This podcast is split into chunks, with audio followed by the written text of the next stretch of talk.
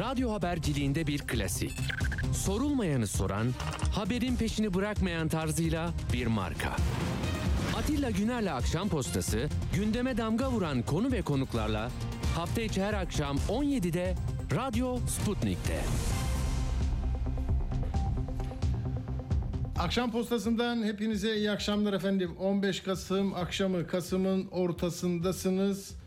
Bakalım kendi siyasal yolculuğunuzun neresindesiniz? 30 hafta kaldı. Yani bana göre daha erken olabilir de bugün gördüm Bir Gün Gazetesi'nde de 30 hafta kaldı diyor Yaşar Aydın'ın bir yazısını birinci sayfaya koymuşlar.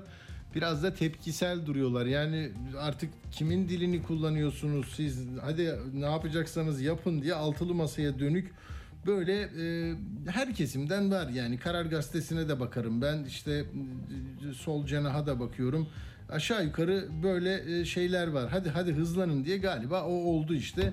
O dün 14'üydü 28'inde bir daha toplanacağız. Size anayasayı anlatacağız. 100 madde diyorlar. Tamam. Bah şeyde bugün Babacan'ı da gördüm. İsmail'le konuşuyordu sabahleyin Halk TV'de o da her şey harika gidiyor. Mesela gruplarda oturup konuşuyorlar. Bir çıkmaza giriyorlar. Diyelim ki 90 maddeden 9'unda sorun çıkıyor. Bize geliyor 5 dakikada çözüyoruz dedi. Çok enteresan. Yani birbirimizi anladık ve aynı menzile gidiyoruz diyorlar. Bir duymak isteyenlere duyurulur. Yani altılı masanın dün 8 saat süren toplantısının hikayesini size anlatamamıştım. Bugün daha geniş bir yer ayıracağız e, konuşacağız ama tabii mesela adaylar konusunda ne oluyor ne diyor Babacan'ın öyle bir sesi var bende. Hadi bu girişte onu söyleyeyim. Bence bir akışı da değiştirelim biraz. Çünkü yani heyecanlı mısınız? Seçime doğru gittiğinizin farkında mısınız? Hani bir sürü emare var ki seçim yaklaşıyor. Ee, siz oyunuzun rengini belirliyor musunuz? Neyi dinliyorsunuz? Yalnızca sizin hoşunuza giden şeyleri mi dinliyorsunuz? Hani arıza çıkaran benim gibi bıdı bıdı konuşan sağa sola laf yetiştiren e, adamlara da kulak asıyor musunuz? Bilmiyorum. Yani siz ne yapacağınızı bilirsiniz tamam mı? Ee, ben şimdi bir şey okuyorum sonra anlatacağım size onu. Ee, Kitlelerin Bilgeliği diye bir kitap. Hani tek tek hepimizin yanlış yapma ihtimali var.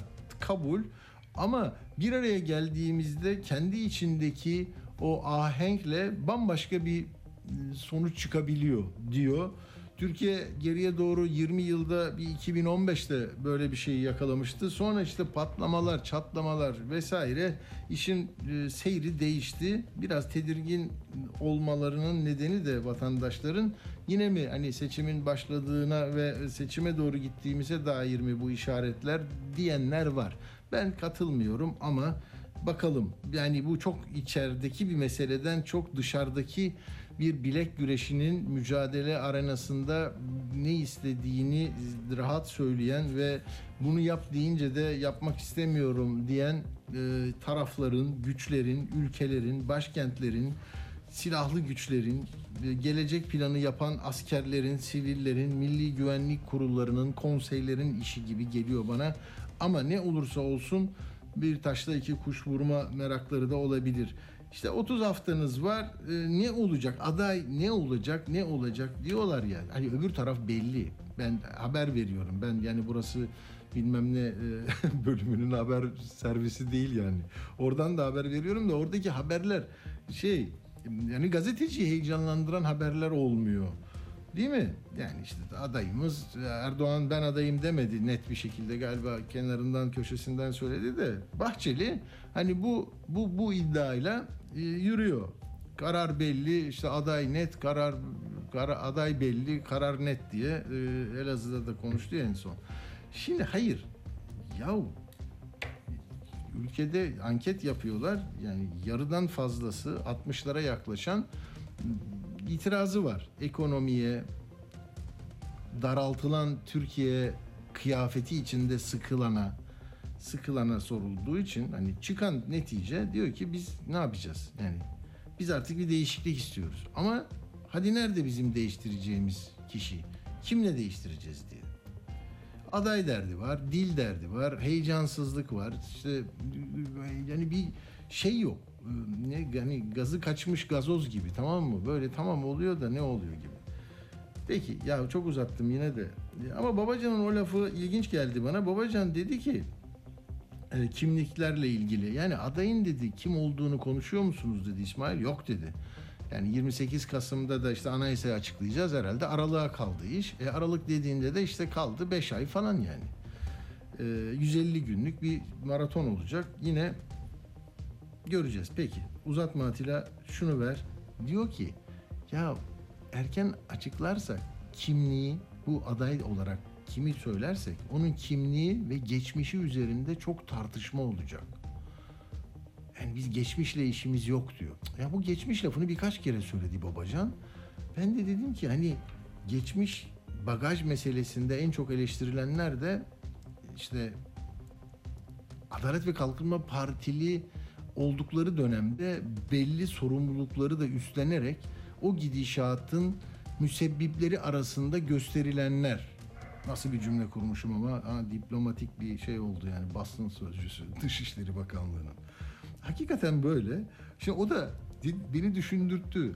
Hani aday olmak isteyenler arasında Adalet ve Kalkınma Partisi'nden kopmuş olanlar, ortada görünenler, hani daha merkez sağda yakın olanlar mı var? Yani Kılıçdaroğlu'nun yerine böyle bir şeyi düşündükleri için mi e, zihnin zihin dünyasından bu çıktı diye bir bakın bakalım ne diyor Babacan kimlik ve geçmiş konusunda. Ortak adayımız kim olsun konuşuldu mu? Hayır. Yok. Çünkü bunu konuşmama kararımız var. Her toplantıda diyoruz ki zaman bugün değil. Önce bütün bu dosyalarımızın içinde pek çok konu var. Bunları çalışmalarımızı bitireceğiz. Ondan sonra adayı konuşacağız. Çalışmalar bittikten sonra adayı konuşmak daha kolay hale gelecek. Niye? Ne yapılacağını bitirmeden adayı konuşmaya başladığımızda ismi geçen insanlar kimliğiyle değerlendiriliyor. İsmi geçen insanlar geçmişiyle değerlendiriliyor. Halbuki biz yarınlarda önce buluşalım. İsim kim olursa olsun karar verdiğimiz ortak yarınlara doğru o isimle beraber biz yürüyeceğiz. O zaman ismin kimliğinin de önemi azalacak. ismin geçmişinin de önemi azalacak. İsmin daha önceki ideolojisi ya da daha önceki partisinin önemi de azalacak. Yani enteresan değil mi? Biraz kapalı bir şey var burada. Ee, Bir mektup var yani size. Yani kimliği ve geçmişi. E tabii adayda en çok o konuşulur zaten. Yani kimliği ne? Kimsin? Seni var eden değerler sistemi ne? E geçmiş. E dün ne diyordun? Ne ifade ettin? Yani hak ihlaline yol açacak bir eylemin var mı? Bir, bir yaramazlık yaptın mı? Öyle bakmıyor musunuz siz? Damat adayına bile görücüye gidiyorsunuz. Kahveyi içerken kahve yani kuru kahveci Mehmet Efendi'ye mi bakıyorsunuz yoksa hani ya kimdir, ne yaptı, nerede, nasıl gidiyor? E, futbolcu bakarken de nerede oynadın, nasıl oldu falan filan. Yani ne bileyim avukatsan da bakarlar. Neyi bakmasın adam Cumhurbaşkanı adaylığına? Yani ben negatif bir şey söylemek için demiyorum ama hani size önceden bir şeyleri verme arzusu içindeyim ya. Bunun bu lafın içinde, bu ambalajın içinde bir şey var gibi hissettim. Size ben söylüyorum. Bu, bu bir şey değil. Tebliğ etmiyorum yani. Böyle kafam böyle karıştı benim. Yani yarınlarda buluşalım. Çünkü yarınlarda buluşmak için dünü de hesabını sormayacak mıyız? Yani ideolojisi ve partisi önemsizleşiyor. E o zaman Milliyetçi Hareket Partisi'nden Semih Yalçın'ı mı aday gösterelim yani? Partisi ve ideolojisi önemli değil. Hani milliyetçi cepheden bir şey bulalım falan yani. Bunu tabii bir şey olarak, e, latife olarak düşünün de e, öyle bir şey olmayacağını biliyorum. Ama konuşmama kararı varmış. Yani siz ne kadar isterseniz e, o kadar da bir kar- konuşmama kararı var. Bakalım bu konuşunca aday böyle cismen, bedenen, geçmişiyle, bagajıyla, söyledikleriyle, yapıp ve yapmadıklarıyla bir birisi çıkacak ama işte. Onu diyor ki son anda yapalım. E o zaman şimdi yine Abdullah Gül konuşuluyordu. Hani tamamen spekülasyon söylediğim. Yani o zaman da Meral Hanım hayır demese Abdullah Gül'le mi girilecekti 2018'de? Şimdi tekrar daha hani o benzeri bir şey mi olacak acaba? Ekmelettin Bey tamam ders çıkardılar ama şimdi Kemal Bey olmasın da bu mu olsun diye böyle bir hazırlık mı var bilmiyorum. Peki şimdi e, siyasete gireceğiz tekrar gireceğim ama önce şeye dönelim mi? E, daha pazar yani Türkiye bu kadar ilginç bir memlekettir. kayıplarımız var. Üç ailenin ikişer mensubu değil mi? Çocukları, o güleç yüzlü çift unutamıyorum. Anne, kızı, baba, evladı. Yani e, hakikaten Allah rahmet eylesin yakınlarına e, ba- başsağlığı ve sabır diliyoruz. Ama soruları da soruyoruz. Tamam mı? Yani böyle tablet halinde verilmiş hazır böyle dayatılan bilgi vesaire benim benim tabiatıma aykırı zaten. Hani gazete yaparken bana birisi diyecek ki bu böyle oldu. Yani en az 15-20 soruyla o, o, o onun ne kadar kararlı, dirayetli çalışmış, işini iyi toparlamış, bütün unsurlarla tamamlamış olup olmadığını test edersiniz. Yani gazeteci, muhabir, alandan, şefi, amiri, kimse silsileyi takip edip kaçmış haberler de olabilir. Neyse işte biz de onu soruyoruz. Sorular bitmiyor. Yani mutlaka öğreneceğiz ama aceleci tavrımızdan dolayı mıdır yoksa hani kısıtlanmış, daraltılmış bir memleketin bazı alanları var. Bir de o daraltılmış bant vardı. Siz öğrenemediniz. E şimdi bombanın TNT olduğunu biliyoruz. Uzaktan kumanda mı birisi mi ileriden onu patlattı. Bu, bu kadın niye bu kadar heyecanlı, hiç olayla ilgisi yokmuş gibi soruyorlar. Ben de görüyorum. Mesela dövmesi varmış elinde. Yani bu dil diyorlar Eritre diliymiş. Afrika. Zaten herkes Afrikalı diyordu kendisine. Bilmiyorum. Filistinli diyenler var. Ee, yani e, Somalili demiş birisi mesela. De- Değişik. Yani şimdi Suriye'de var mı yok mu? Suriye'de tabii devlet darmadağın, otorite yok. Ya bu kardeşim benim vatandaşım değil ya da vatandaşım diyecek durum da yok. Ee, yani sen çünkü yani birden fazla ülke topraklarında e, şey yapıyor. Alan açmış kendine. Oralarda e, yönetimi devralmış. Şimdi e, soru bitmeyecek mutlaka öyle. Ama biz şimdi derli toplu Uğur da çalıştı. Anlamaya çalışırken Arda'yı da bu kız kızın bu kadının Ahlam Albaşir, Al Elbeşir olması lazım bu değil mi herhalde? Elbeşir diye okunuyor. Ahlam Elbeşir. Onun işte yaşadığı yerlerde, alışveriş ettiği yerlerde de bir gezdi, dolandı. Bir dinleyelim. Önce onu dinleyelim. Bak bizim de e, Arda Acaröz gibi bir e, muhabirimiz var. Yani dünya çapında röportajcı gitmiş. Ne yapmış bir bakalım. Arda soruyor, vatandaş anlatıyor. Siz en son ne zaman görmüştünüz? Ya cuma akşamıydı ya da cumartesi akşamı gördüm. Yani patlamadan Saat- bir ya da iki gün önce. Evet saat 7-7.30 sıralar arasındaydı. Ne alışveriş yaptı peki sizden? bizden bir 40 lira kıyma aldı. Tek mi geldi? Tek geldi ağır bir makyaj vardı. Herhalde bildiğim kadarıyla kendini belli ettirmemek amacıyla mı ağır bir makyaj kullanmıştı. Türkçe bilmiyordu kesinlikle. Arapça konuşuyordu. Hesap makinesinin üzerinden rakam göstererek parayı belirtti. Şu kadar kıyma istiyorum diye. Tabii Türkçe konuşmadığı için kapalı. Kapalı. Kapalı geldi. Hiç Kapalı. açık gördüğünüz oldu mu? Yok açık görmedim. Zaten iki kere gördüm ama yani buradaki Suriyelilerden farklıydı. Çünkü ben 20 senelik burada esnaf olduğum için buradaki çevreyi hep tanıyorum. En eski esnaf benim. Çevreyi tanıdığım için o göze batıyordu yani. Dikkat çekiyor. Dikkat çekiyordu çünkü ilk kez görüyorum. E, dikkat çektiği için yanımdaki arkadaşlar dedim herhalde bu yeni taşınmış diye konuştuk yanımda arkadaş vardı. O Geldiği şekilde. zaman tek mi geldi? Tek geldi. Tek geldi. Tek sefer mi Akşam- sizden alışveriş yaptı? Yok bir de bir, bir önceki hafta pazar akşamı geldi. Gününü biliyorum çünkü o tam kapatma saatime denk geldi. Yalnız e, yan tarafa da gelmiş arkadaşlar. Kliniğe de gelmiş. PC mi diyorlar ne ondan taktırmış herhalde. Yan taraftaki arkadaş bana söyledi. bakımlı, makyajlı, sürekli otur burada kahve, sigara içip telefonla oyun oynuyor. Ama son bir hafta içerisinde telefon trafiği biraz daha fazlaydı. Yani sanki birileriyle yazışıyormuş gibi böyle. Arkadaşı falan var mı? Veya buralara yanına gelen, giden birileri oluyor muydu? Yok. Öyle bir şey, öyle bir şey yok. Zaten- Zaten burası hani hemen bu caddede yani yüzde seksen bir insanlar birbirini tanır yani. Peki 4 aydır burada kalıyormuş. Ha, içeride kaç kişi kalıyorlardı biliyor musunuz? Ya içeride 3-4 bir aile beraber çalışıyordu. O da onların yanına akrabasıymış. Öyle diyorlar bilmiyorum. O da onların yanına gelmiş çalışmaya. Göz altındaki kişiler yani. He. Gözaltındakiler de yani yaklaşık 5-6 senedir buradadır. Orada yaşıyor ve çalışıyor deniliyor. Öyle duyuldu. Biz de öyle duyduk.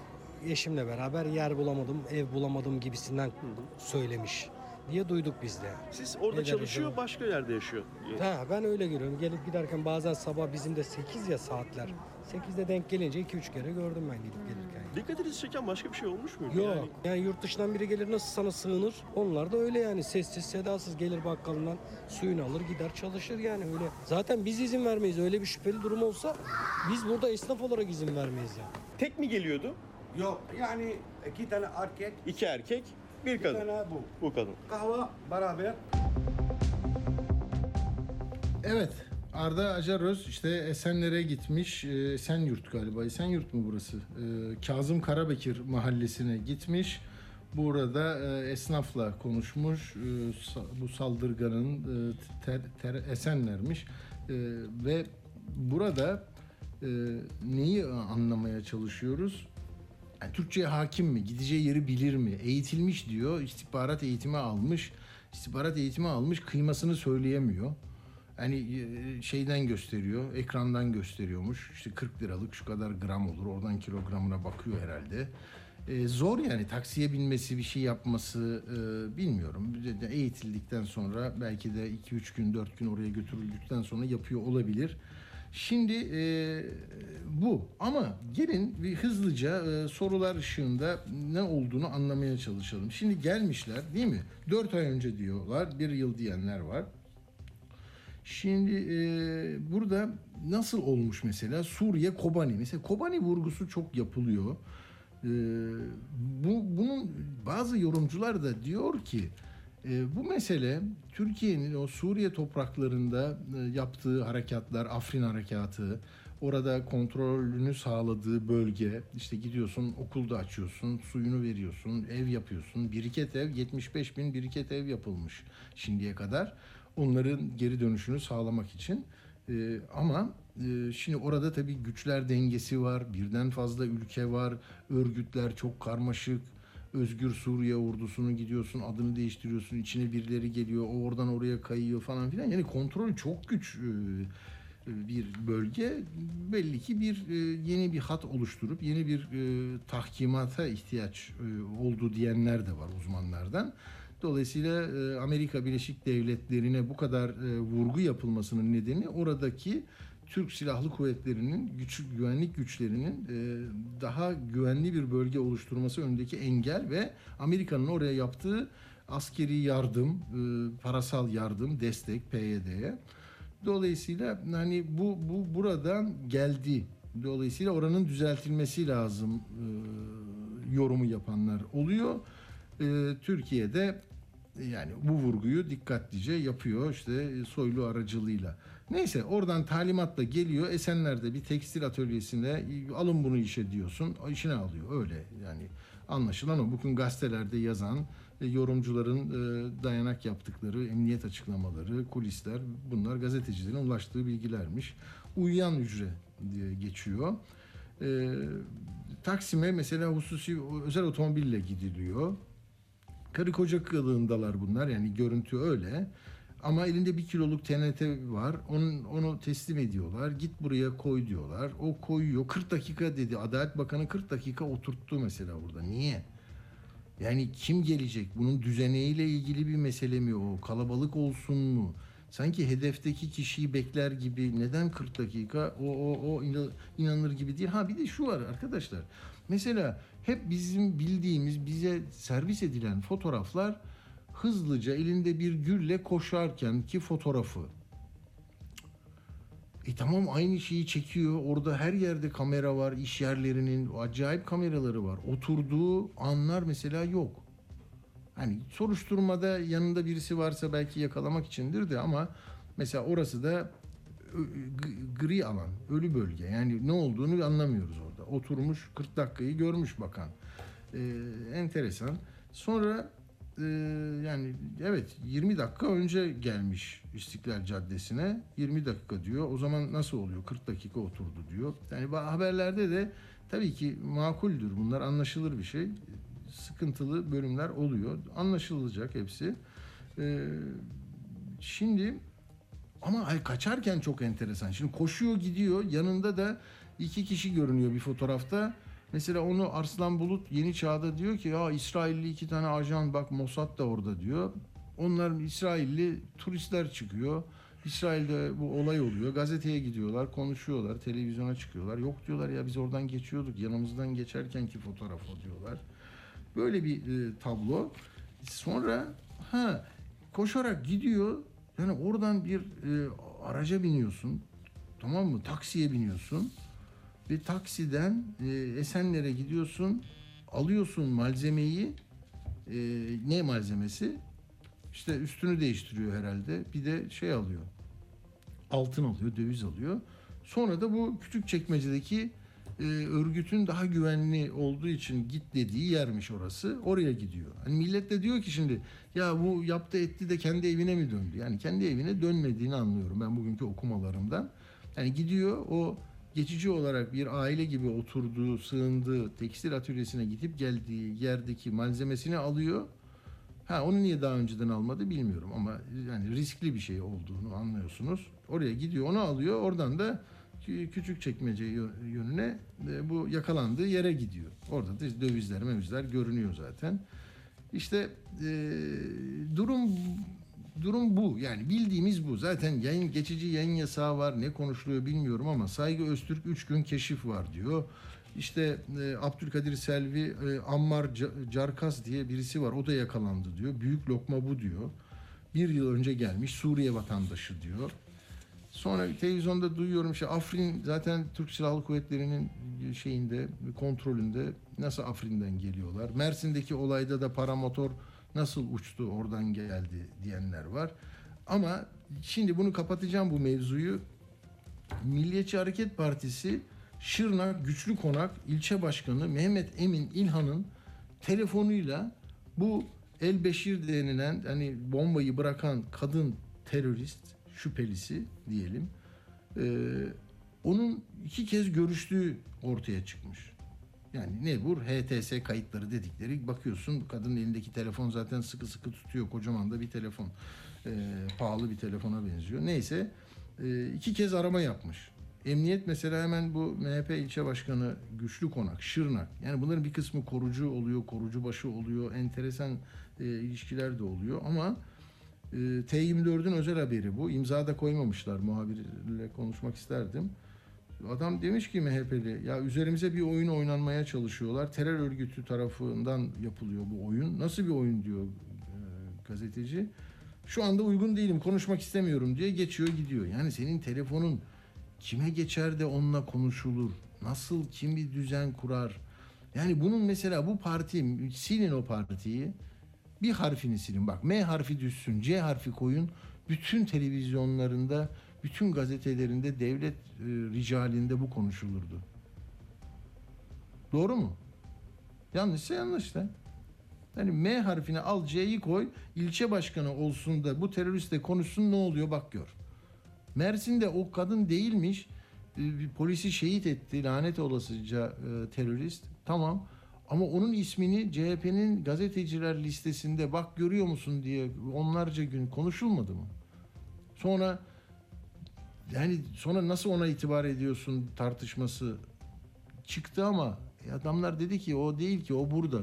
Bizim şu arkadaşımız gitti falan dediler. Yani terör karargahı onu açıkladı ki ölen o değil diye. Ama o CHP'nin gazeteciler listesi diye bir zaman cezaevindeyken hakları vardır bunlar da gazeteci midir diye listeye koyduğunda böyle olmuştu. Şimdi MHP ilçe başkanı abicim oyun moyun nedir bilmiyorum.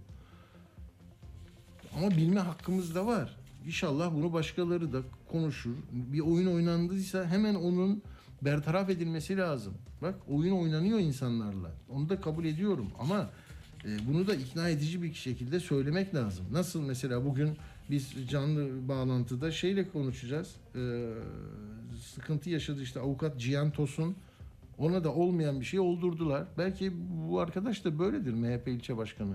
Ama dediğim gibi yani CHP ilçe başkanının telefonuyla konuşmuş olsaydı bugün kapatma davası falan açılırdı CHP'ye. Yani bir hafta içinde açılırdı. Şimdi bir şey daha bu konuyla ilgili. Hani ben böyle televizyon hastası e, değilim ama sizler yoğunsunuz. Belki oyun oynuyorsunuz çocuklarınızla bilmem ne. İşte ne yapıyorsunuz bilmem ne platformlarına üyesiniz. Oradaki dizileri kaçırmayayım diye mi bakıyorsunuz? Ne yapıyorsunuz bilmiyorum. Yani size yoklama yapacağım sonra gider ayak. Ee, ne diyeyim? Ya televizyonda gerçi bunu Arda Acaröz bana uyararak e, iyi bir şey yaptı. Kim konuşuyor? Nerede o ya? Ee, kim konuşuyordu ya? Emin Pazarcı. Ya arkadaşlar diyor ki bak görüyor musun diyor bu diyor teröristi nasıl aldı? Tek bir kadın polis yatırdı. O kadar o kadar e, ezerek götürdü ki ya daha başka lafları da var ya işte diyor Türkiye diyor. Yani saçları örülmüş sarışın bir e, Türk Emniyet Teşkilatı mensubu bir kadının terörist olarak gözaltına alınan kadını başını eğerek götürüşünü tahlil ediyor ve buradan güçlü Türkiye'ye çıkartıyor. Bir bakın sınır yok hayalde. Tek bir polis götürüyor. Bu kadar zararlı bir teröristi, bu kadar önemli bir teröristi tek bir kadın polis götürüyor. Etrafında hiç kimse yok. Yani o kadar güçlü ki Türkiye alıyor ve ezerek götürüyor bunu da. Yani bu bunlar çok önemli. Bunların tamamı oradaki bütün mesajlar bir de çekilen fotoğrafa bakın ve Türk bayraklarının arasında veriyor bu zavallı görüntüyü. Yani siz biz e, Türkiye güçlüdür. Bu zavallıları biz böyle yakalar ezeriz. Bakın şu görüntüye muhteşem bir görüntü bu. Evet bugün daha fazla bir şey söylemeyeceğim. Siyaset vardı. Kılıçdaroğlu yine bu İstiklal'deki saldırıyla ilgili çok e, herkesin merak ettiği e, yorumunu yaptı. Onu dinleyelim. Önce Kılıçdaroğlu'nu dinleyelim. Önemli bir konuğum gelecek birazdan. Ülkeyi yöneten zata seslenmek istiyorum. Sen ne iş yapıyorsun? Çok açık ve çok net konuşacağım. Şimdi birileri çıkıp diyecek ki efendim böyle bir günde siyaset olmaz. Hayır efendim. Siyaset böyle günler olmasın diye yapılır zaten. Sınırları kevgire çevireceksin. Herkes gayet iyi, dinlesin. Bu yalanları artık kimsenin kanmasını istemiyorum sevgili vatandaşlarım. Artık bu milletin canına kastediliyor. Bunlar ne komşuluk bilirler, ne sahip çıkma bilirler. Bunların her şeyi yalan. Bunların tek inandığı bir şey var. Mevki, makam, para. Teröre de lanet olsun. Teröristlere de lanet olsun. Teröristlerin yolunu açanlara da lanet olsun. Avrupa Birliği ile bu sığınmacı anlaşmasından çıkacağız. Açık kapı devri kesin olarak bitecek. Ne açık kapısı? Yol geçen hanım burası. Bütün bunların tamamını kaldıracağız. Ve en geç iki yıl içinde, en geç iki yıl içinde bütün sığınmacıları kendi ülkelerine göndereceğiz. Söz mü? Söz, söz, söz. Bay Kemal söz veriyorsa mutlaka yapacaktır bunu. Söz veriyorum. Evet grupları biraz baştan tabii ben e, daraltamadım mevzuları ve e, aktı gitti. Fakat çok kısa birer cümleden sonra hemen konuğumu alacağım. Çünkü belki yorumların içinde kendisi de değerlendirebilir. E, diyor ki Bahçeli'de mesela HDP'nin Türk siyaset ve demokrasi hayatında bir saniye yer almasına tahammül edemiyoruz diyor. CHP terörle mesafe koysun diyor. HDP eşittir CHP diyor. Bir süredir söylediği şey ama yani Türk siyaset ve demokrasi hayatında bir saniye yer almayacak HDP. Ne olacak o zaman? Yani dağda mı olması daha tercih edilen bir şey bilmiyorum. HDP'den de Pervin Buldan bugün kürsüdeydi. Kısaltıyorum çünkü zamanımız çok daraldı. Ee, diyor ki o da partimiz failleri kim olursa olsun bu tür katliamcı saldırıların tavizsiz bir şekilde karşısında diyor ama e, mesela Ankara, Suruç, Diyarbakır'daki saldırıları 2015-2017 arasındaki o saldırıları e, söylüyor. E, yani terörle arasına mesafe koy denilen bir parti, diğeri de CHP. Ona da Bahçeli bu şekilde yaklaşıyor. Tablo bu. Ben şimdi sizi e, bildiğiniz bir isimle e, Sayın Ayhan Bilgen'le e, baş başa bırakacağım. Yani ben de sorularımı soracağım tabii. Ses Partisi'nden e, yeni kuruldu Ses Partisi e, ve e, Türkiye'nin Sesi Partisi'nin kısaltılmışı Ayhan Bilgen de e, HDP'de sözcülük de yaptı. Grup başkan, e, baş, genel başkan yardımcısıydı. Kars Belediye Başkanıydı. Dolayısıyla tecrübeli e, siyasetçi. Ayhan Bey merhaba, hoş geldiniz. E, merhabalar, iyi yayınlar. Teşekkür ederim. Çok teşekkürler. Şimdi siz tabii partinizi örgütlüyorsunuz bir yandan. Hem ne düşündüğünüzü hem de Türkiye'nin bu bitmek bilmeyen o yakıcı gündem maddeleriyle ilgili sizin farklılığınızı, ayrıştığınız yerleri e, dinleyenlere aktarmak istedim bugün için. E, parti teşkilatları oluşturuluyor herhalde. Onunla ilgili çok kısa bir şey söyleyin lütfen. E, Evet yani Türkiye'de seçime girebilmek için 41 il ve üçte bir ilçesinde örgütlenmek gerekiyor. Biz 41 ili geçtik. İlçelerimizde birkaç hafta içinde tamamlayacağız. Yani e, bu ayın sonunda seçime girmeye hazır hale geleceğiz. Dolayısıyla e, Mayıs ayından sonra gerçekleşecek bir seçime katılabilecek yeterliği yakalayacağız. Evet bu, bu yeni bir bilgi e, dinleyenler için de olsa gerek. Şimdi peki onun dışında e, sizin e, siyaseten şimdi bulunduğunuz yer başka bir şey söylemek için e, kuruldu, oluşturuldu. Sizinle benzer şeyleri düşünen insanlar e, anlatacak seçmene tercihlerini, bakışlarını, değerlendirmelerini. Ee, ne diyorsunuz? Mesela bir Kürt meselesi e, içinde siyaset yaptınız. Yani bu sorunu e, çok önemseyen bir e, siyasal partide yöneticilik de yaptınız. Yolunuzu ayırdınız. Neyi konuşuyoruz? Biz bugün yine İstiklal Caddesi'nde patlama, terörle arasına mesafe e, isteyenler ve burada e, kendilerini ifade ederken farklı tonlarda e, teröre karşı olduğunu söyleyen partiler var. Siz e, İstiklal'deki olaya nasıl bakıyorsunuz? Ee, Yani Atilla Bey tabii bu e, tartışma doğal olarak Kürt sorunu devam ettiği müddetçe e, devam edecek. E, Hmm. Tam da bizim zaten e, yeni bir siyasete ihtiyaç olduğu, yeni bir siyasal duruşa ihtiyaç duyduğumuz konu tam da bu çözümsüzlüktür. Bu kilitlenmedir. Yani Kürt sorunu üzerinden kutuplaşma devam ettiği müddetçe Türkiye siyasetinde ne yazık ki iktidarın da muhalefetin de hareket alanı kalmıyor. E, Dolayısıyla Kürt sorunu hani bizi bloke eden, bizi kutuplaştıran bir alan olmaktan çıkıp e, yani bir yeni vizyona, yeni bir çıkışa ezber bozan bir yaklaşıma zemin oluşturmalı. E, İstanbul'daki patlama ile ilgili ben doğrusu 2015 karşılaştırmalarını çok isabetli görmüyorum. Yani o 2015'e eleştirilerim var. Bu ayrı yani o dönemde tıkanıklık iç siyasetle ilgiliydi. Bir seçim gerçekleşmişti. Evet seçimden 3 gün önce de Diyarbakır'da HDP mitinginde bir patlama olmuştu. Bu aslında bir sinyaldi. Seçimden sonra da e, bunlar devam etti. Gar, Suruç devam etti. Ama kilitlenme iç politikayla ilgiliydi. Ben bugün siyasette kilitlenmenin daha çok dış politikayla ilgili olduğu kanaatindeyim. Yani Türkiye iç siyasetinin Suriye politikası üzerinden e, şekilleneceği kanaatindeyim.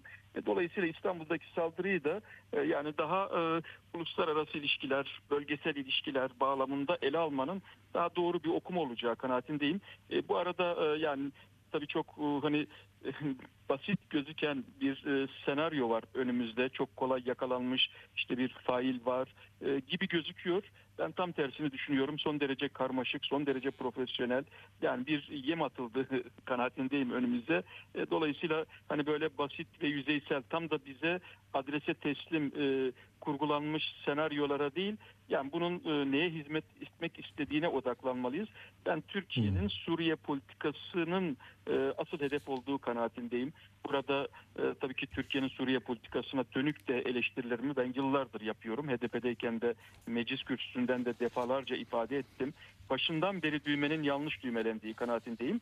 Ama e, tabii ki e, yani bir e, manevra yapmak, bir siyaset değişikliği yapmak çok kolay değil. Yani devletlerin bu anlamda kaygıları, e, yeni okumaları var. Ya bugün itibariyle hani Suriye'de hemen cecik uygulanabilecek bir konsept olarak belki e, yani işte e, Türkiye'nin çekilmesi çok kolay değil. Ama e, bu kısır döngü de e, yani Suriye'de barışı, çözümü kolaylaştıracak sürece girilmeyişi de bizi her zaman bu tehditle karşı karşıya bırakacak. Yani burada bizden ne yapmamız isteniyor? E, yani Türkiye'nin nasıl bir politika izlemesi durumunda e, yani hem sınır güvenliğimiz hem iç barışımız hem bölgesel e, gücümüz e, pozitif etkilenir. Bunu tabii uzun tartışmak lazım ama ben Tabii. İstanbul saldırısının doğrudan e, Suriye'deki gelişmelerle e, ya da gelişmemelerle yani gelişmesi beklendiği halde e, adım atılamamasıyla doğrudan ilişkili olduğu kanaatindeyim. Anladım. Peki içeriye dönersek tabii şimdi 30 hafta kaldı demiş bugün bir gün gazetesi yani tahminen e, önümüzdeki hafta sayısı da gerçekten böyle 20'li sayılara düşmek üzere. Siz e, yani HDP'nin içinde olsaydınız, bunun bir parçası olsaydınız parti içinde farklı görüşünüz olsa bile bunları anlatıyor olacaktınız ama siz Dediniz ki e, ben başka bir şey söylüyorum. O ayrılmayla birlikte itiraz noktanızı nereye oturttunuz? Yani ağırlık merkezi nedir? Nerede yoğun bir e, ayrışma e, meydana geldi? E, Atilla Bey bir kere tabii yani Türkiye'de HDP'den kaynaklı olmayan ama HDP'nin de Hmm. çözüm konusunda inisiyatif ortaya koyamadığı yeterince gerektiği kadar, beklendiği kadar e, irade, güç ortaya koyamadığı bir miras var. Bu da çatışmalı süreç. Yani 40 yılın hı. HDP'nin omuzlarına yüklediği ama HDP'nin tek başına taşıyamayacağı, iktidarın da muhalefetin de partiler üstü bir anlayışla ülkenin ortak sorununa ortak çözüm geliştirme iradesi sergilemesi gereken bir sorun var. Burada Kürt sorunu bir kilit rol oynuyor. Ee, Yani ben de tam tersine anahtar bir rol oynaması gerektiği kanaatindeyim. Ee, Yani biraz önce işte ittifaklarla ilgili bir değerlendirme yapıldı. Ee, Yani bugün işte e, tamam Cumhur İttifakı HDP'ye karşı e, işte bugün Bahçeli'nin kullandığı dilde zaman zaman Erdoğan'ın kullandığı dilde e, sonuçta e, bir kriminalize etme konsepti taşıyor. İyi de e, muhalefet de HDP ile birlikte bir resim çekilemiyor. E, birlikte bir görüntü veremiyorsa HDP'nin bu durumdan çıkartması gereken bir ders var. E, yani silahın, şiddetin gölgesinden çıkmak ve e, demokratik siyasetle e, hakları, özgürlükleri, demokratik anayasayı savunmak ve tabii ki birlikte yaşamı da savunmak e, elbette ki hem mümkün hem de zorunlu. Eğer bunu başaramazsa HDP ya da başaramazsak hepimiz bütün siyasi e, sorumluluk almış ülke önünde söz söyleme yetkinliğini kendinde gören e, siyasi aktörler bunu başaramazsak önümüzdeki dönem bu sorunun çözülmemesinin bedeli faturası çok daha ağırlaşacak. Ben e, çok net biçimde artık e, yani soğuk savaş yıllarında olmadığımızı e, yani silahlı mücadelelerin ortaya çıkarttığı tabloyu aşacak bir demokratikleşme iradesinin hem devletler tarafından hem muhalefet siyaseti ve özgün olarak da Kürt sorununa odaklı siyasi aktörler tarafından geliştirilmesi gerektiği kanaatindeyim. Yoksa e, yani silahın gölgesi e, yani her an aslında demokratikleşme e, talebini tehdit ediyor, e, riske atıyor, e, imkansızlaştırıyor. E, bu durumda da siyasetin genişlemesi, siyasetin sorun çözme kapasitesi geliştirmesi imkansızlaşıyor. Anladım. Peki burada tabii HDP'nin de belki bir yol ayrımına geleceği bir takvim işliyor. Ee, Yani Demirtaş'ın açıklamalarını böyle yorumlayanlar da var. Yani terörle e, ilgili sözcükleri seçerken de o terörist saldırıları e, orada da bir mesaj verdiğini düşünüyor insanlar. Ee, Siz nasıl e, bu, bu bunun HDP seçmeni üzerinde bildiğiniz bir seçmen kitlesi diye düşünüyorum. O yüzden bunu soruyorum size. Yani partiniz de çünkü bu ilişki ağları içinden e, farklı olduğu için e, şimdi ayrı bir tabelaya sahip. E, nereye gider? Yani seçmen nezdinde e, nereye gitmesi Türkiye'nin lehinedir? Böyle şeyleri e, nasıl izah etmek lazım? Şimdi tabii burada hani olanla olması gerekeni belki ayırt ederek tartışmalıyız. Evet olayın bir sosyolojik ve tarihsel arka planı var. Yani HDP'nin bugünden yarına geliştiremeyeceği, hani kucağında bulduğu deyim yerindeyse ya da omuzlarında ağırlığını hissettiği bir tarihsel arka plan var. Ama buna teslim mi olmalıyız? Buna boyun eğip bunu kabullenmeli miyiz? Yoksa buradan başka bir Türkiye'ye ilerlemenin riski ve sorumluluğunu mu almalıyız?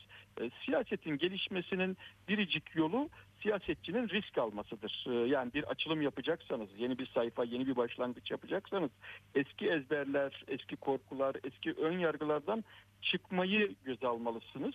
Bu tabii kolay bir şey değil ama sonuç itibariyle dünyanın bütün çatışmalı bölgelerinde e, yani bu sorundan çıkışın yolu o sorunla ilgili siyasetçilerin inisiyatif geliştirmesinden geçer. Hayatın olağan akışı içerisinde ben her halükarda Türkiye'nin başarabileceğini, bunu başarabileceğini, e, yani Kürt siyasetçilerinin de bu konuda e, eğer daha cesur davranırlarsa, daha net, daha güçlü bir irade ortaya koyarlarsa bunu başarabileceğine inanıyorum. Böyle istiyorum. Yani ben HDP'nin dışlanmasına asla e, yani taraftar olmam. E, hem kendi emeğime saygı hem oradaki milyonlarca seçmenin iradesine saygının gereği budur. Ama e, ya bir yol ayrımı diyorsunuz siz. Ben de aynı kanaatteyim. E, yani burada aslında e, uygulanacak politikada bence bu yol ayrımını zorunlu kılacak. Yani ya silahla ilgili çok net, çok güçlü Türkiye kamuoyunun bütününün kabul edebileceği hangi siyasi parti olursa olsun, hangi kesim olursa olsun kabulleneceği ve asla HDP'yi dışlamaya prim vermeyeceği, işte HDP'nin kapanmasına e, rıza göstermeyeceği, e, HDP'yi yok sayan e, siyasete prim vermeyeceği bir resim ortaya çıkacak. Ya da hayır böyle geldi böyle gidecek e, buradan kaçış yok buradan çıkış yok anlayışıyla hareket edilirse o zaman da çok sert günler bizi bekliyor. Yani parti kapatma siyasi yasaklar ki ben de yani o listedeyim e, hakkında çok sayıda dava var. E, Anayasa Mahkemesi'ndeki kapatma davasında ben de siyasi yasak istenenlerdenim. Yani ben söylediğim her sözün arkasındayım gayet tabii ben onları ifade özgürlüğü olarak görüyorum.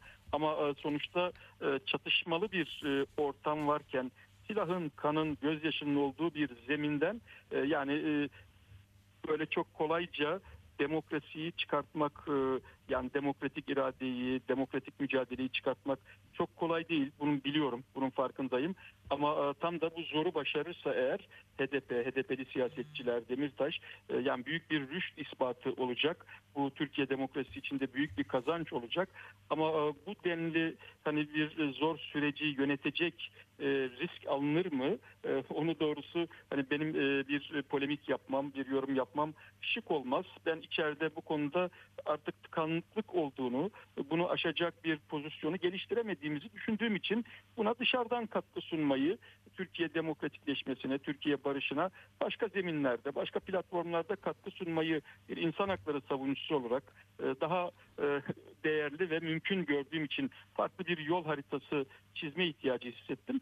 Ama HDP'nin bu konuda e, doğru bir tavır, sağlıklı bir tavır geliştirmesine de katkı sunmayı dışarıdan bence bütün siyasetçiler öncelemeli. Yani iktidar da HDP'yi oraya teşvik etmeli. Muhalefet de HDP'yi bu konuda cesaretlendirmeli.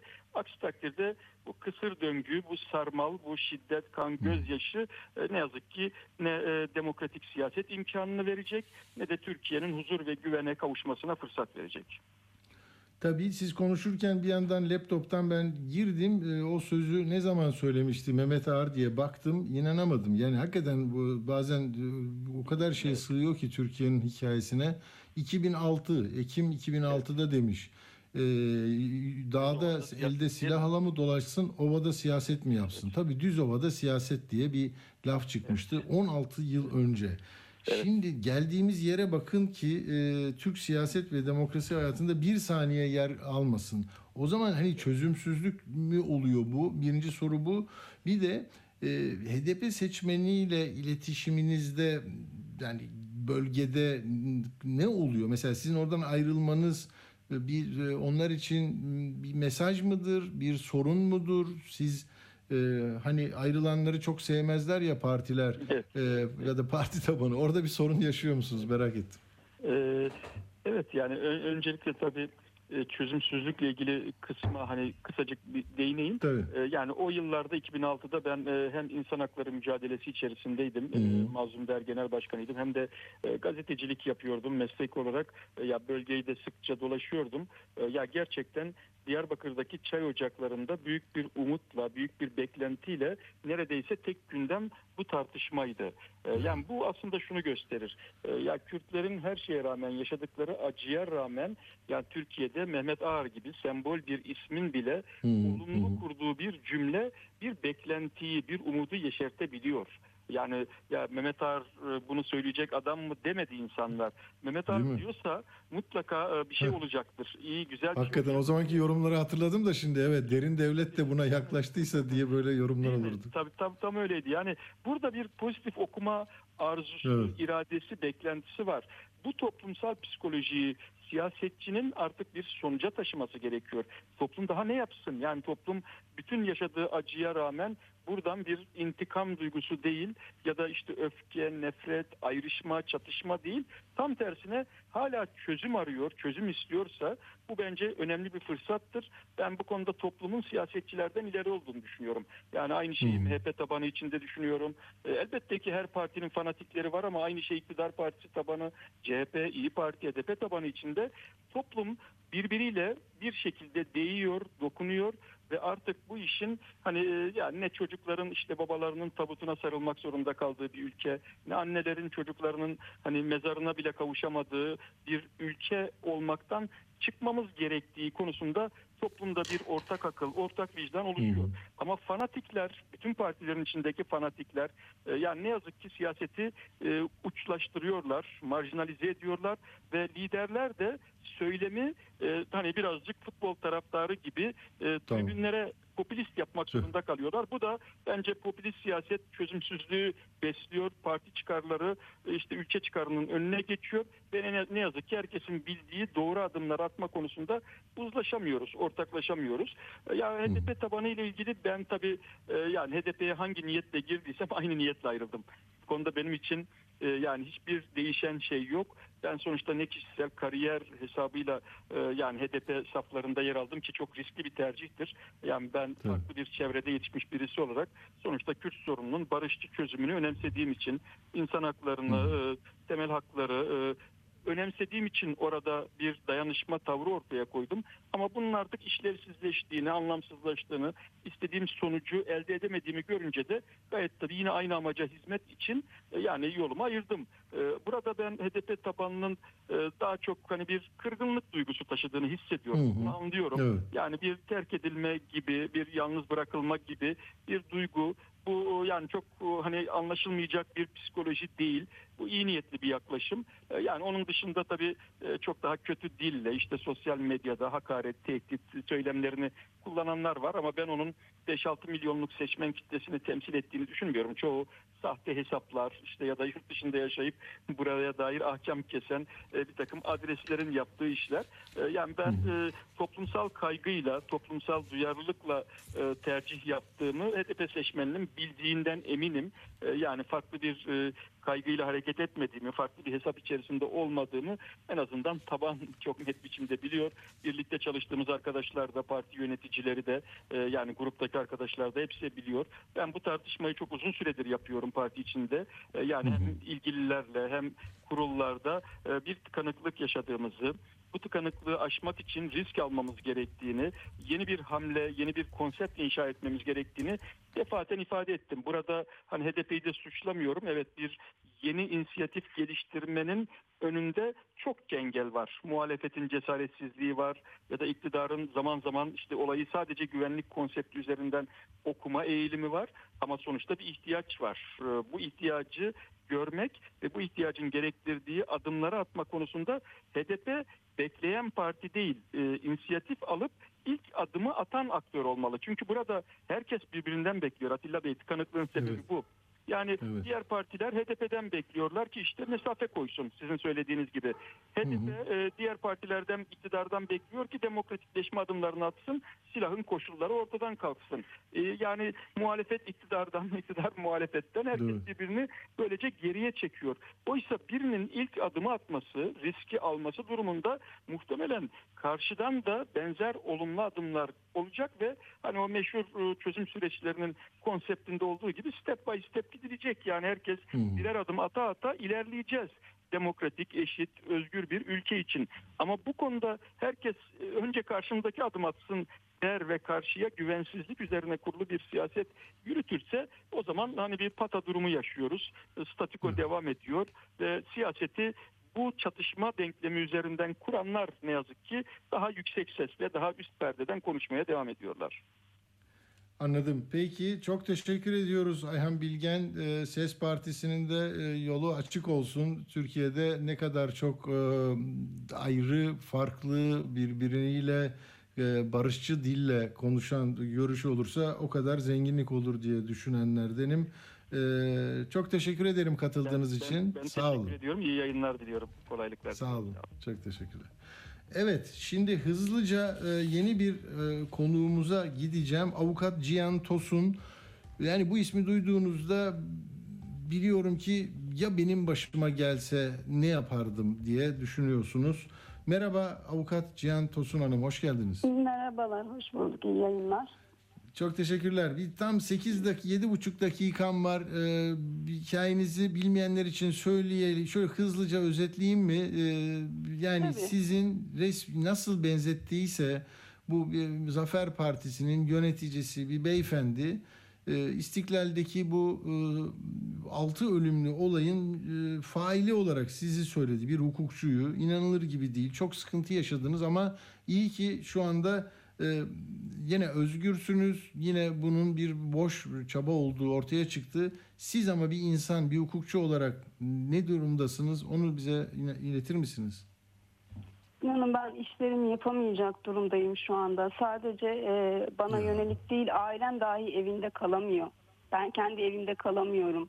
16 yaşındaki yeğenim sürekli aranıyor. Ben keza bakın sesim kısıldı. Yani artık o Evet, kadar çok evet. aranıyor ve tehdit ediliyorum ki.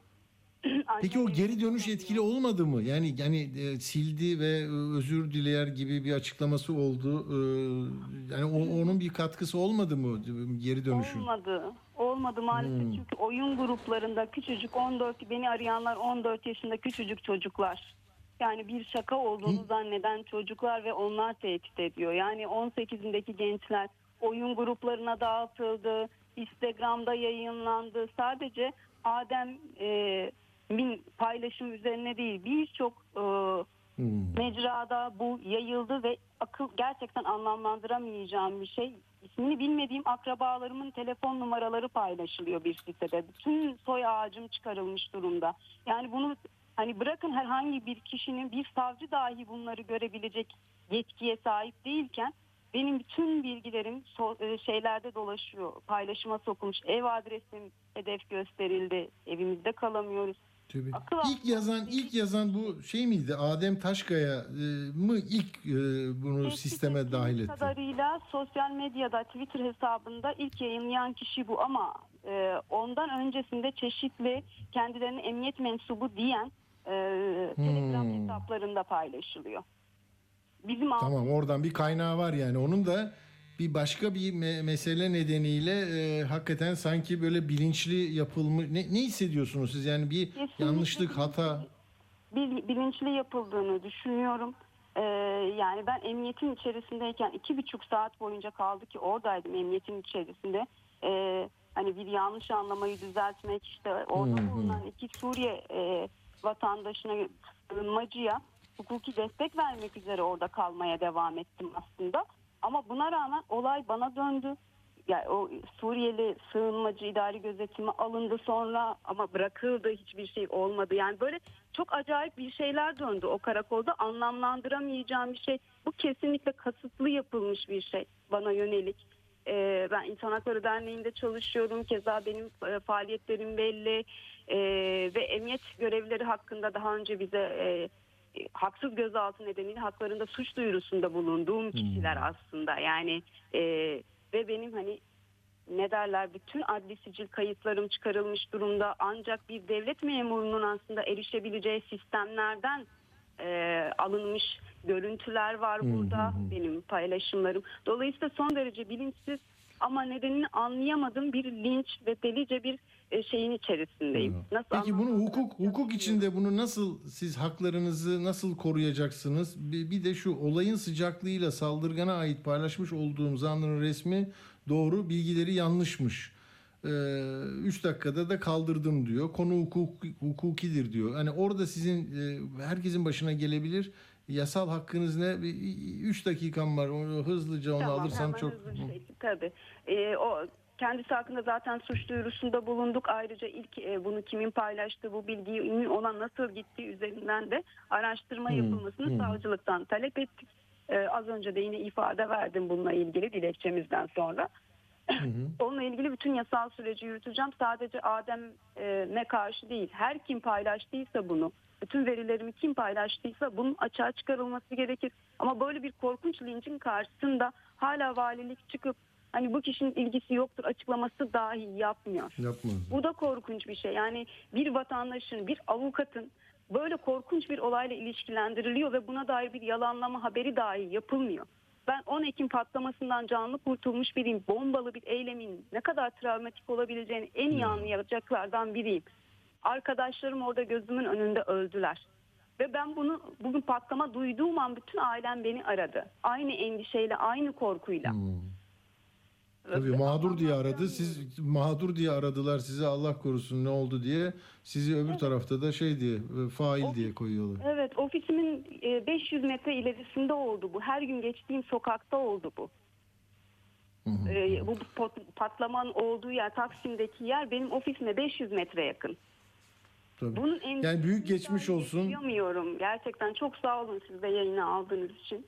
Teşekkür Rica ederim. ederim. Yani e, hakikaten şu bugün mesela Bozdağ'ın Adalet Bakanı'nın bir demecini okudum. Meclisteki bütçe görüşmelerinde hani lekelenmeme hakkı, e, insanları korumak için çok şey çalışıyoruz diyor.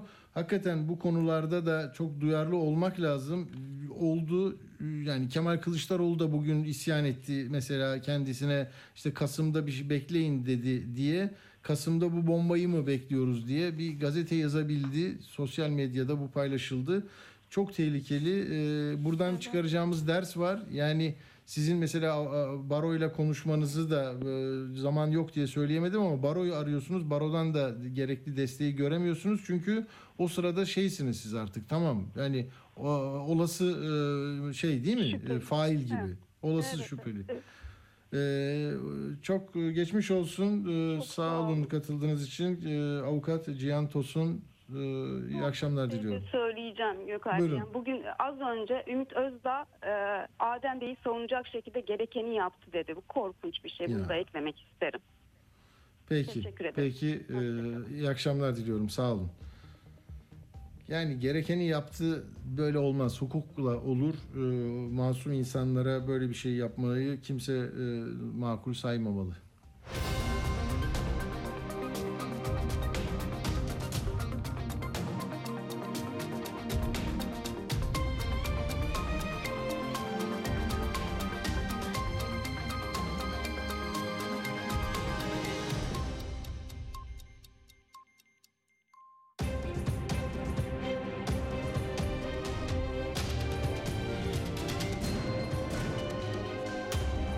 Radyo Sputnik. Anlatılmayanları anlatıyoruz. Radyo haberciliğinde bir klasik. Sorulmayanı soran, haberin peşini bırakmayan tarzıyla bir marka. Atilla Güner'le Akşam Postası, gündeme damga vuran konu ve konuklarla hafta içi her akşam 17'de Radyo Sputnik'te. Evet efendim. Şimdi yeni bir konuğa gitmeden 2-3 dakikanızı alacağım. Şimdi masumiyet karinesi işte buldum. Benim işim böyle işte deli deli bunları okumak. Yani kim konuşuyorsa bakıyorum. Bekir Bozdağ diyor ki e, masumiyet karinesi bak ne kadar önemli değil mi? Yani masum olduğunuzu koruyacak sistem böyle olmalı. Diyor ki masumiyet karinesini güçlendirmek için adımlar e, yapıldı, adımlar atıldı. Bu değişiklikten sonra kişilerin şüpheli sıfatı almadığını söylemiş. Diyor ki lekelenmeme hakkı hakkı ile hak arama hakkı ve hak arama hürriyeti arasında gerekli dengeyi kurduk. Düzenlemenin yürürlüğe girdiği 2017 yılından bugüne kadar 1 milyon 900 bin ihbar dosyası ve bu ihbar dosyalarından 711 bin 732'sinde soruşturmaya yer olmadığına dair kararlar verilmiştir. Yani ne diyor bak 1 milyon 900 bin ihbar gelmiş 701 binini yok saymışlar. Ne olmuş? 1 milyon 200 bininin yine işlem yapmışlar. Ama 700 bin işlem yapmadılar da o ihbar vesaire ama yetkili ağızlardan çıkan, partililerden çıkan, bürokrattan çıkan yani insanları e, zor durumda bırakan işte az önceki avukat hanımefendi gibi. Yani sen teröristsin, sen bilmem ne beşinci kolsun, sen mandacısın, sen zaten busun, sen Sorosçusun, bu bilmem neci, o cucu bucu böyle gidiyor herkese. Hani o dediğim raf var ya benim geniş raftır o tamam mı? Tak böyle tak çıkartıp üstüne senin yapıştırırlar uğraş. Uğraş. Yani teröristi alan adam, onu oraya götüren adam, işte 10 bin dolar alan adam, ne bileyim ben mektubunu büyükelçiye götüren adam, her şey, her şey söylenebiliyor. Dolayısıyla bu masumiyet karinesi çok çok önemli bir şey. Lekelenmeme hakkı çok önemli bir şey. Ama e, dediğim gibi e, işte böyle o vakalarla e, her şeyi görüyorsunuz, ediyorsunuz. Başka bir şey diyecek miyim ben? Ha bu başörtüsü teklifi ne oldu diye e, yorumlar var. İlginç geldi bana da hani başörtüsü için 3 Ekim'de Kılıçdaroğlu ne demişti? Gelin bunu düzeltelim, bir, bir yasal dayanak oluşsun. Erdoğan 5 Ekim'de tamam dedi, anayasaya gel o zaman dedi. Hazırlanıyor o günden beri. 40 gündür yok. Bozdağ 20 gün önce tamam demişti ama neden e, bekliyor? Acaba e, yani o referandum bağlantılı giriş girizgah sonra Erdoğan'ın e, Saadet Partisi liderinin söylediği gibi yani bu referandum demokratik e, hak ve özgürlüklerin sınırlandırılması için kullanılamaz demişti. Ondan mı böyle oluyor? E, bilmiyorum. E, ama bakalım daha e, görünecek çok şeyler var. Amerika meselesini de söyleyecektim. Şimdi konuğumuzu arayabilirsiniz. Soylu'nun tabii bu Amerika'ya meydan okumasına Bahçeli ne dedi e, diye baktım bir de. Onu da söylemek istiyordum size. O önce ismini söylemiyor, söylemiyor ama arkasından da şey diyor. Evet diyor, Washington'a bakmak lazım diyor. Yani bu meseleyi e, aktarırken kullandığı ifade evet bizim içimizi karıştırmak için bunu yolluyorsunuz diyor. Okuyacağım bu da önemli. Çünkü bugünkü gazetelerde de biliyorsunuz şey var. Yeni Şafak, eğitim ABD'den, talimat PKK'dan. Yani Erdoğan'ın şimdi anlatacak Uğur, e, Biden'la görüştüğü gün Türkiye gazeteleri bunları söylüyor. E, Mehmet Barlas, gerçek katilin adı teröristin üstünde yazıyor diyor. New York yazan sweatshirt'ü var ya onun için. E, ondan sonra işte ABD'nin taziyesini kabul etmeyen Türkiye. Diyor ki mesela Turgay Güler, gazeteci işte o yazar bunlar. ABD ateşle oynuyor ama bu kez kendisi yanar. Hilal Kaplan, ABD'nin taziyesini reddediyoruz. Türk Günü ABD'nin taziyesini reddediyoruz. MHP burada önü çekiyor. Diyor ki bak şöyle diyor. E, Bahçeli de burada ABD'yi şöyle e, bu terörizmin kaynağını sınırlarımızın mücavir alanlarında değil Washington başta olmak üzere yabancı ülkelerin başkentlerinde olduğunu, bunun da saklanacak gizlenecek bir yanının kalmadığını biliyor ve görüyoruz diyor.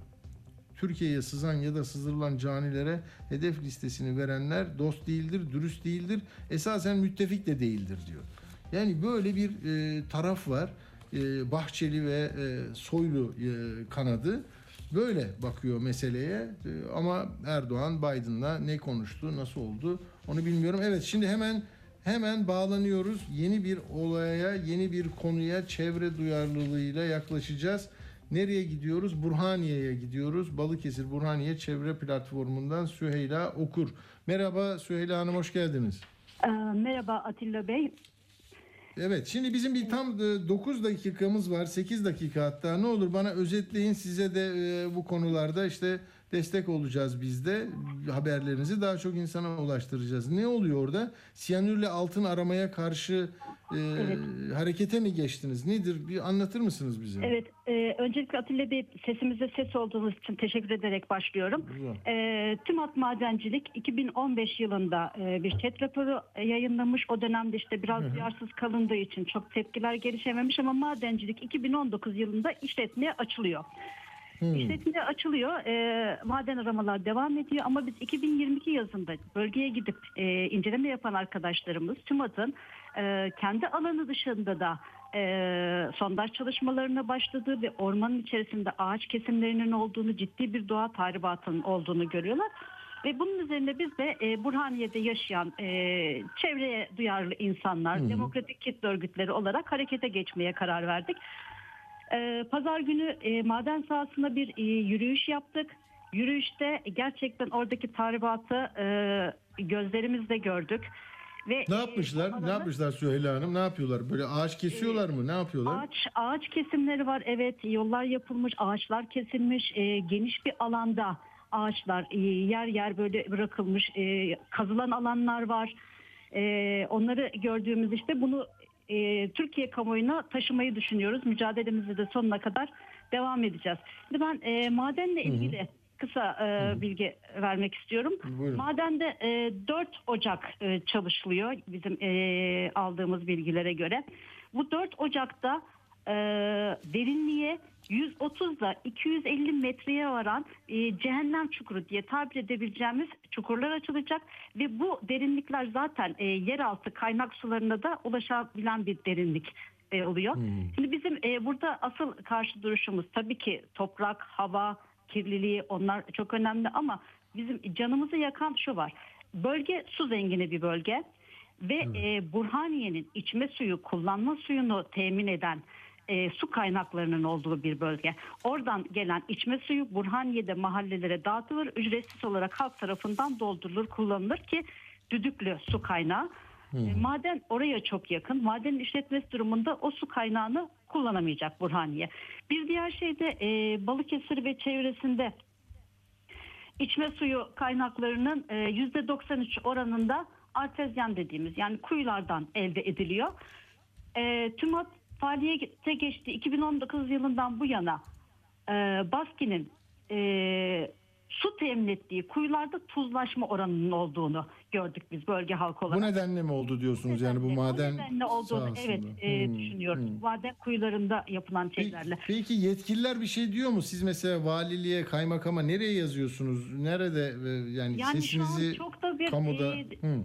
cevap alabilmiş durumda değiliz e, verdiğimiz şeylere net cevaplar alamıyoruz. Şirket ne diyor? Şirket ne diyor? Şirket de büyük bir şirket Türkiye'de bilinen bir şirket. Bu Nurol Nurol'a bağlıymış galiba. Evet. Evet yani Ne diyorlar onlar? her zamanki gibi e, sorun olmayacağı yönünde şeyler söylüyor ama yaşanan e, gerçekler de var. Mesela e, su temin edilen kuyularda az önce bahsettiğim gibi tuzluluk oranı Hı hı. arttı. E, bir de şey var e, cevher çıkartılırken e, işte patlamalar yapılıyor, çeşitli sondaj çalışmalar yapıyor. Bu da su kaynaklarını tıkadığını düşünüyoruz Zarar bölge halkı olarak. Anladım. Zarar Peki. verdiğini düşünüyoruz evet. Peki Burhaniye'de bir çevre platformu oluşturulmuş ve bu itirazlarını yapıyor vatandaşlar. Biz de yetkililere, ilgililere duyurmuş olduk bunu. Süheyla Okur Hanım çok teşekkür ediyoruz katıldığınız için. Sağ olun. Ben ben teşekkür ediyorum duyarlılığınız için. Ee, Sağ olun. iyi yayınlar diliyorum. Sağ olun çok teşekkürler.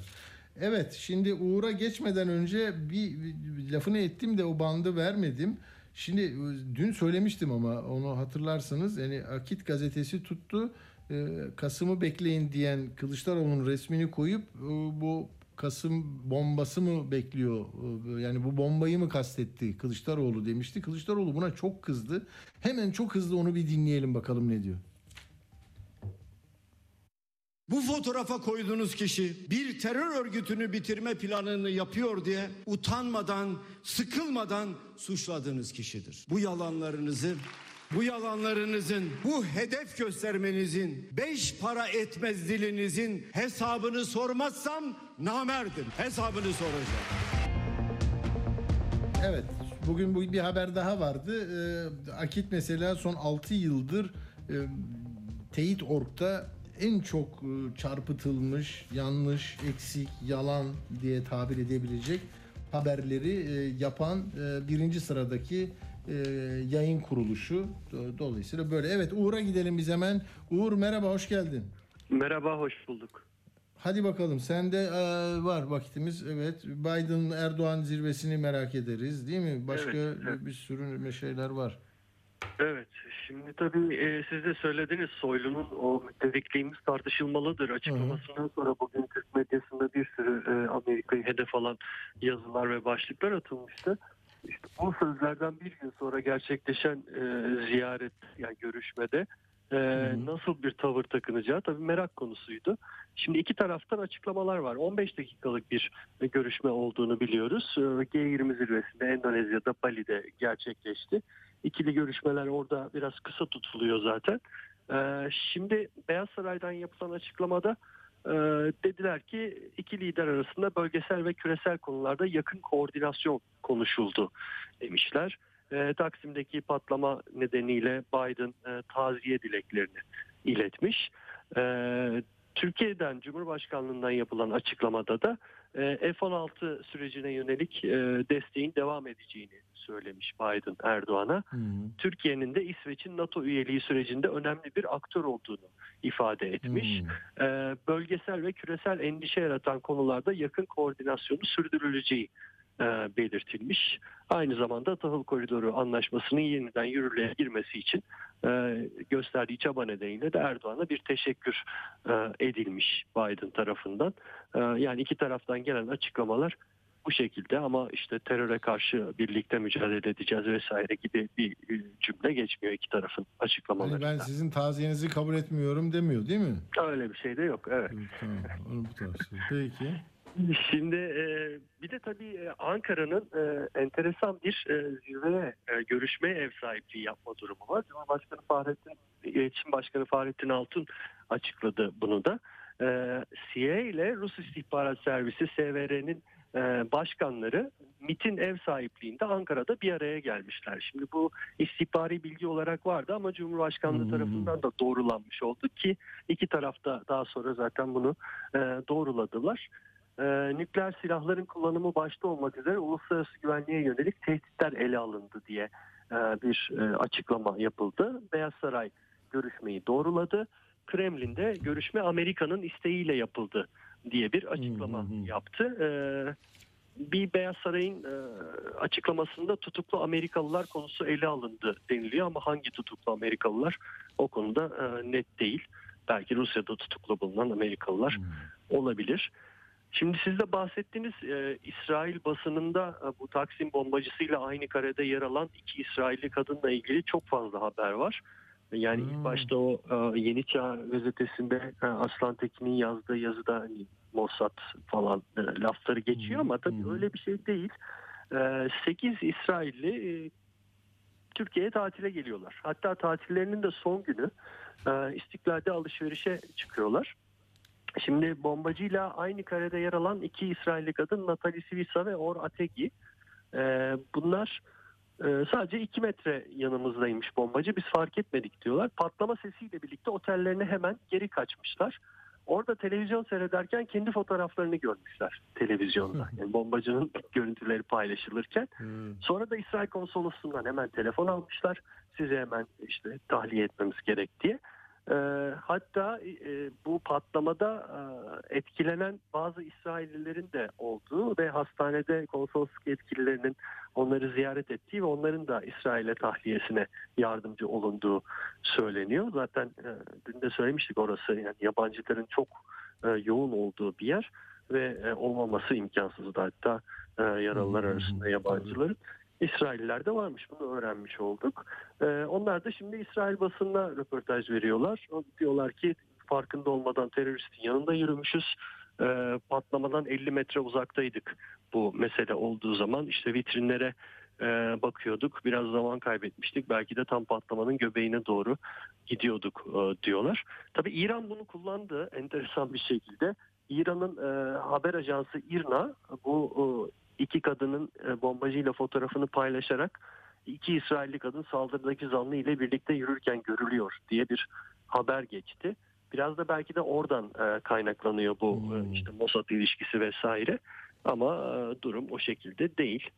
E, bunun dışında e, Amerikan Kongresi'nde enteresan bir inceleme var. E, Türkiye dahil 6 ülkenin Trump'ın başkan olduğu dönemde Trump otellerinde yaptığı harcamalar incelemeye alınmış. Yani Türkiye, Birleşik Arap Emirlikleri, Çin, Katar, Malezya ve Suudi Arabistan'dan yetkililer e, buraya yoğun bir şekilde para e, vermişler. Yani konaklıyorlar. Otel kimin Uğur? Otel şey mi? Trump ailesi mi işletiyor? onu? Trump ailesi. Onun. Trump Otel zaten ismi. Tamam. Ee, Washington'daki Trump Otel'den bahsediyoruz. İşte Washington'da bu resmi yetkililer temaslarda bulundukları zaman e, o konaklama olarak Trump Oteli seçmişler ve buradaki en lüks odaları odaları tutmuşlar. E, Türk yetkililerin de 80 bin dolarlık bir ödeme yaptığı Trump Otel'de kalırken söyleniyor. Tam da Halkbank davasının e, o e, ateşlendiği dönemde e, işte Türkiye'den yetkililer lobi faaliyetleri için Amerika'da bulunurken e, orada konaklamayı tercih etmişler ve böyle bir e, para ödenmiş. Şimdi işte bunun e, işte başkan ken, e, kendine çıkar sağlamak gibi bir e, suç olup olmadığına yönelik bir araştırma yapılıyor Amerikan Kongresi'nde. E, son olarak da Birleşmiş Milletler Kalkınma Programı UNDP e, enteresan bir teklifte bulundu Türkiye'ye. E, nitelikli sanayi bölgesi yani organize sanayi bölgesi kuralım Türkiye'de. E, ve burada firmalar en az %20 Suriyeli istihdam etsinler ve bu şekilde e, üretilecek olan burada üretilecek olan e, ürünler Amerika'ya ve Kanada'ya gümrüksüz olarak kabul edilsin. Avrupa Birliği'ne de aynı şekilde e, kabul edilsin diye bir Zaten şu anda yüzde 40 vardır ya. Ne dedi? Yetkilisi dedi. Bunları çekersek sistem durur diye. Evet, evet, Değil mi? Yani e, ama enteresan bu hükümet ciddiye almış mı böyle bir şey konuşulmaz herhalde değil mi? Yani bugün Dünya Gazetesi'nde vardı bu Ha, haber ama ha. e, Ankara'dan henüz e, resmi bir yanıt olduğuna dair bir şey yok. Uğur bu gri liste işine de girelim. Bak ben onu e, sen sen çalıştın. Ben Türkiye'deki e, yankısını söyleyeceğim. Senden de o notlarını bulursun. Onu konuşacağız. Babacanı da vereceğiz. Vaktimiz var. Şimdi vatandaşlara şunu söyleyelim. Bakın arkadaşlar epeydir başka başka ülkelerden bu tür haberler geliyordu. Meksika'dan geldi benim okuduğum birkaç değişik ül- ülkelerde Türk lirası ya da yabancı para cinsi geçer tabi.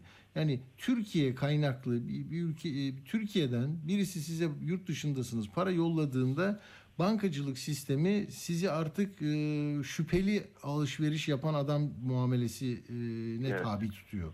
Şöyle e, Cerrahpaşa'dan İsveç'e giden bir doktor bu tamam mı? E, bir bir şey satmış kiraya vermişler evlerini Adana'da 90 bin kron tamam mı? 8650 dolar 160 bin TL göndermiş babası avukat doktora gitmiş İsveç'te yaşıyor bankaya demiş ki e, ülkeniz uyuşturucu terör ve kaynağı belirsiz kara paraları aklayan bir ülke kategorisinde yer aldığı için hesap hareketlerini para kaynağı olan kira kontratını gönderenin ıslak imzalı açıklama mektubunu istiyoruz. Gördün mü? Babası kızmış. Kendisi yazıyor bunu sosyal medyasında. Ama tarayıp PDF yaptırdı, yollamış, gönderdik. Ee, araba alacakmış, Volvo alacakmış. Diyor ki para yerine yine mesaj. Babanız kendi de ilave yapmış, babanızın gelirini gösterin.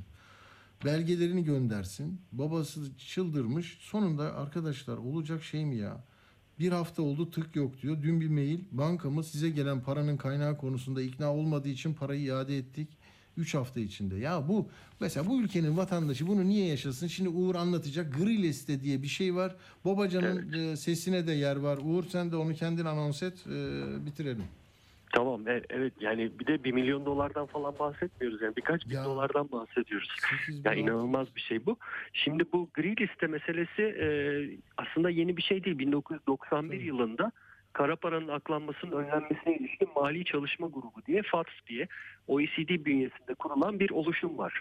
Şimdi buna birçok ülke zaten üye e, ve Türkiye'de aynı şekilde 91'de üye olmuş. E, yani ülkelerdeki finansmanların işte para transferlerinin ne kadar güvenli olduğunu gösteren bir referans sistem bu. Şimdi Türkiye 2011'de gri listeye girmiş, 2014 yılında çıkmayı başarmış. Şimdi tekrar Ekim 2021'de e, tekrar gri listeye girmiş. Şimdi gri listede yer alan ülkeleri sayayım size. Arnavutluk, Barbados, Burkina Faso, Kamboçya, Cayman Adaları, Kongo, Cebeli Tarık, Haiti, Jamaika, Ürdün, Mali, Fas, Mozambik, Panama, Filipinler, Senegal, Güney Sudan, Suriye, Tanzanya, Uganda, Birleşik Arap Emirlikleri ve Yemen. Türkiye ile birlikte. Yani bu saydığım ülkeler tabii bir şey ifade ediyor sizin için. Tabii, tabii. Bir kısmı turistik yani gezi gezi gezi rehberinden de bakabiliriz. Yani bir kısmı evet, vergi vergi cennetleri. Ama herkes gidiyor demek ki oralara. Peki. Evet. Şimdi e, neden peki Türkiye gri listeye alındı?